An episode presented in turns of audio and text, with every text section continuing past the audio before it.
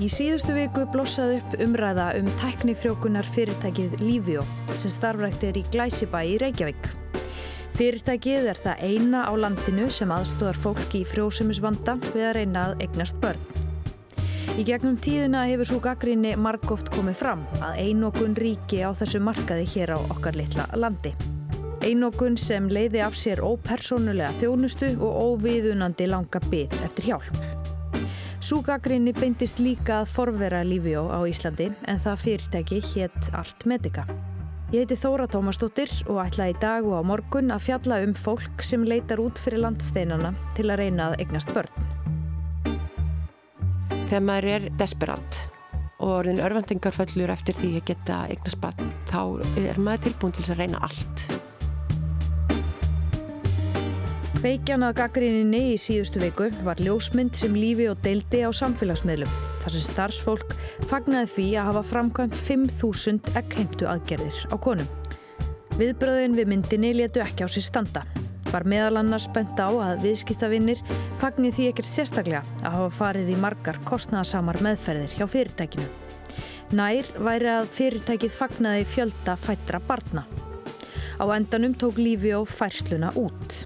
Já, okkur þykir auðvitað bara mjög leitt að hafa sært ykkur að, hérna, á skjólustæðingum okkar eh, með þessari myndbyrtingu. Í ágúst sagði Íþróttafréttakona stöðvar 2, Svafa Kristín Gretarstóttir, frá sinni upplifun að Lífjó og gaggrindi fyrirtækið harlega fyrir langa byggð, skort á upplýsingum og ónærgætið viðmót starfsfólks. Í apríl lístu tvær konur óanæju sinni með færibandavinnu Lífjó í viðtali við heimildina. Dæmin eru fleiri. Sífælt fleiri leita sér hjálpar í heilbreyðskerfinu vegna ófrjóðsefnisvanda, sangand upplýsingum frá heilbreyðsráðunetinu. Ríkið tekur þátt í kostnaði við fyrstu tvær tæknifrjókanir og fólk getur fengið niðugreðslu, jafnvel þó það leiti sér hjálpar í útlandum. Fólk sem glýmir við ófrjósemi hefur í auknum mæli leitað út fyrir landsteinana til að fá hjálp til að eignast börn. Árið 2019 greitti ríkið 12 tæknifrjókanir í útlandum en í fyrra 62. Sumir fara til Norðurlandana, einhverjir til Tjekklands og Spánar en óformlega kannun okkar sínir að sífælt fleiri fara til Gríklands til að reyna að eignast börn. Og í þessum þætti spyrjum við nokkra Gríklands fara hvers vegna. Heyrum brott. Svona 50.000 sinum betri þjónusta og bara betra verð. Það er ekki álagning á öllu. Ég get ekki annað en mælt með því sem reyndist mér vel. Þarna allavegna tókst það. Það tókst í Greiklandi. Það tókst ekki hér. Lífið var öruglega frábært fyrirtæki fyrir þá sem þetta gengur upp hjá. En mér vantaði persónulegri þjónustu og mér vantaði svör. Í dag og á morgun ætlum við að heyra þrjár ólíkar sögur af fólki sem farið hefur til Gríklands eftir óanægu með þá þjónustu sem í bóði var hér á landi. Ástildur Sturludóttir, bæjastjóri á Akureyri, hefur átt stóran þátt í því að Gríklandsförum hafi fjölgað á undanfærdum árum. Hún hefur mælt með því við marga vini og kunningja að þeir leiti til sömu stofu og hún fekk hjálp á í Gríklandi. Já, á þeim tíma þá uh, voru við hjónum búin að fara örgla tísunum í gegnum uh, tæknifrjókunarferli hvort sem það var glasafrjókun eða uppsenning eða annað í, á þeirri stöð sem var hér í bóði á þeim tíma.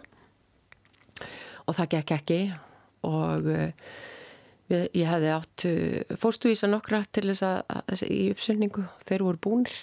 Þá var ég búin að einlega doldi missa trúna og vildi reyna að fara eitthvað annað.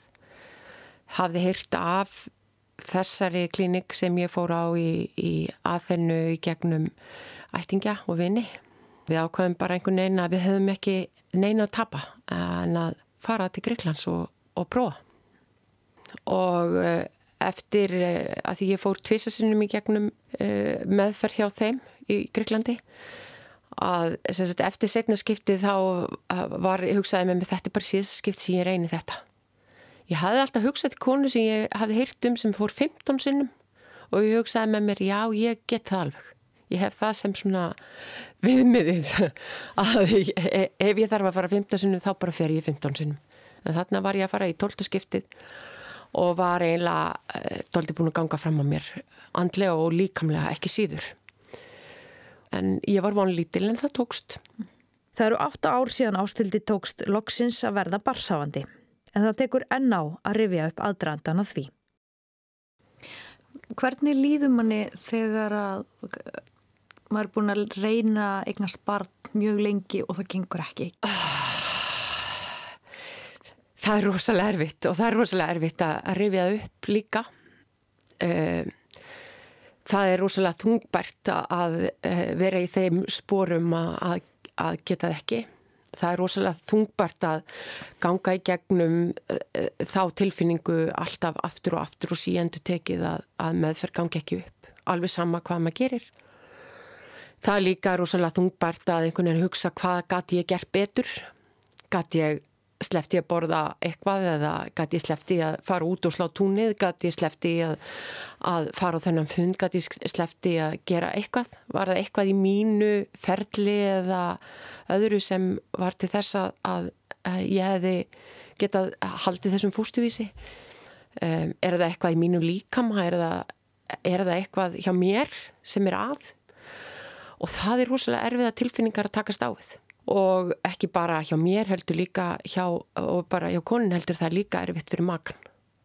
En það, er, það eru svona tilfinningar sem er eiginlega ekki hægt á útskýra, það eru mjög, það eru mjög þungbærar og, og erfiðar. Mm. Förum í Mórsfellsbæin. Í lítilli kjallara íbúð í sætu grænu húsi hefur Hanna Björk Halldórsdóttir komið sér fyrir. Hún er nýflutt aftur heim í foreldrahús en aðstæður hennar svo liti breyttar. Hanna Björk er 38 ára gömul og hefur lengi reynd að eignast barn. Hún reyndi fyrst hér heima hjá Lífió en fór svo í nokkrar ferðir til Greiklands í þeirri von að verða ólétt. Og það sem þið heyri hér eru litlu tvíburarnir hennar, steinsofandi í vöggunni sinni.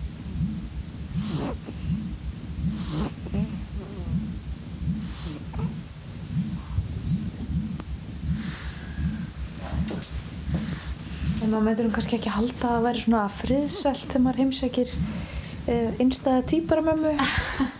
Það eru náttúrulega fyrirburar, þannig að það heyrist kannski, þau eru 12 vikna en leiðrétt ekki nema 5 vikna. Þannig að það, það heyrist kannski minna í þeim, ég veit ekki. En þau eru rosalega góð.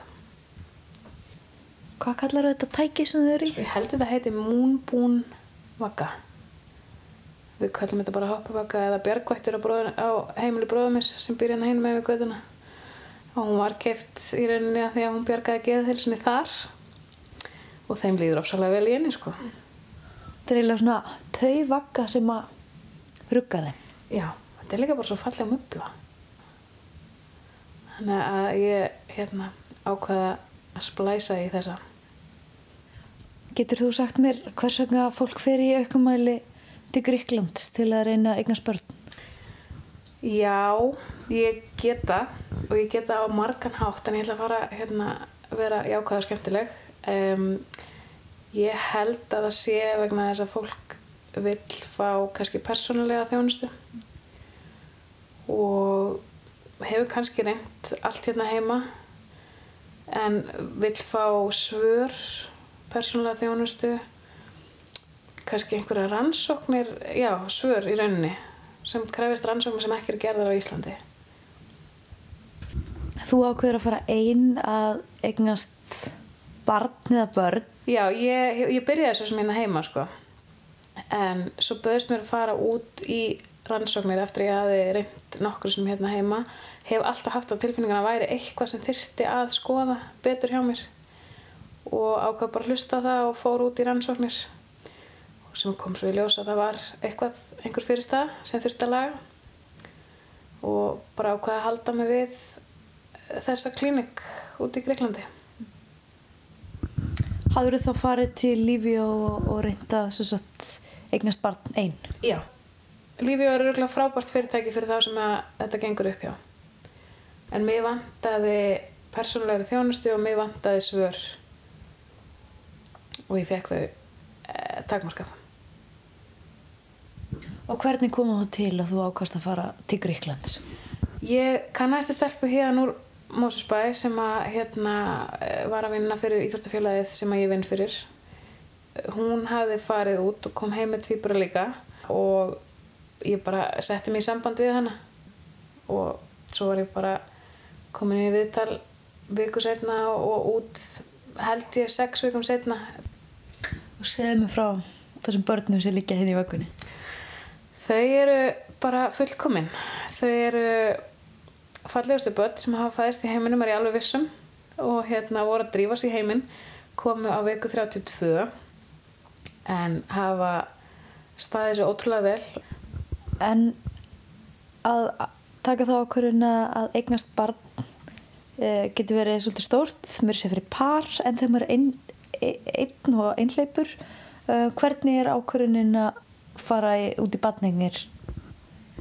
Sko, hún er alveg reysa stór og sér í lagi vegna þess að það er ekki drosalega langt síðan að þetta mátti bara hreinlega á Íslandi en ákvörðin fyrir mig og mitt leiti ég hef búin að vera á flakki í námi út í bandrækjunum og kem heim fyrir sex árum líklega og bara svona ákvað fljóðlega eftir það að ég var ekki búin að finna mig mann og, og það væri kannski ósangjönd að fara inn í samband eh, með bandnegnir í huga. Og að hérna bara tíminn tikkar ég fann á mér að þetta geti tekið tíma. En hvernig var því við þegar þú fegst að vita og gengið með tvýbura? Eh, sko ég hef alltaf, það, allar týpar með mér sagt við mig að þetta hafi verið sjokk hjá þeim. Sem að, það var það ekki hjá mér. Út í Greiklandi þá láta er upp tvo fórstuvísa gætnan þannig að mín eru fristir tveir og tveir saman. Þannig að tilfinningin fyrir var alltaf alveg að þetta geti alveg orðið tvö.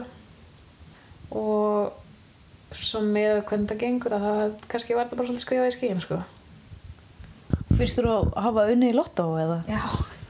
Margfald margfald sko. Löngu búin að gleyma öllum miljónunum sem að fór í þetta sko. Algjörlega þetta er mikil vinna en eins og ég segi ég er með mömmu hérna uppi og, og hérna mömmu og pappa og bróðum minn hinn með göttuna og er uppalinn hérna í bænum vinn í bænum í svolítið svona ábyrrandi starfi um, er íþróttafulltrúi. Þannig að það eru allir með mér í liði. Þannig að ég þarf ekki annað en að opna hörðina og kalla og það er komin hér manna ef ég vil sko. Þannig að vissulega vinna en ég var kannski ekki endilega út í batnegnir haldandi að það er bara bleik skí alla daga.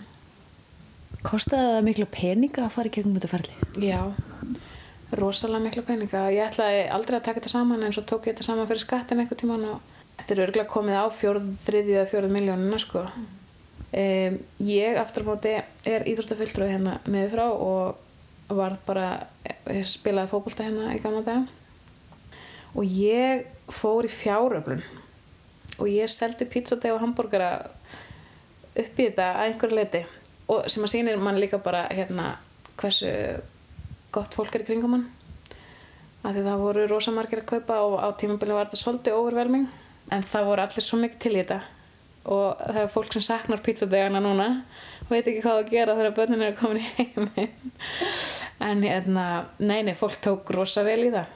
Og hérna bara fekk mér eitthvað hjálp bæði frá vinkonum og, og fólkdra mínum að kera út og, og allt svo les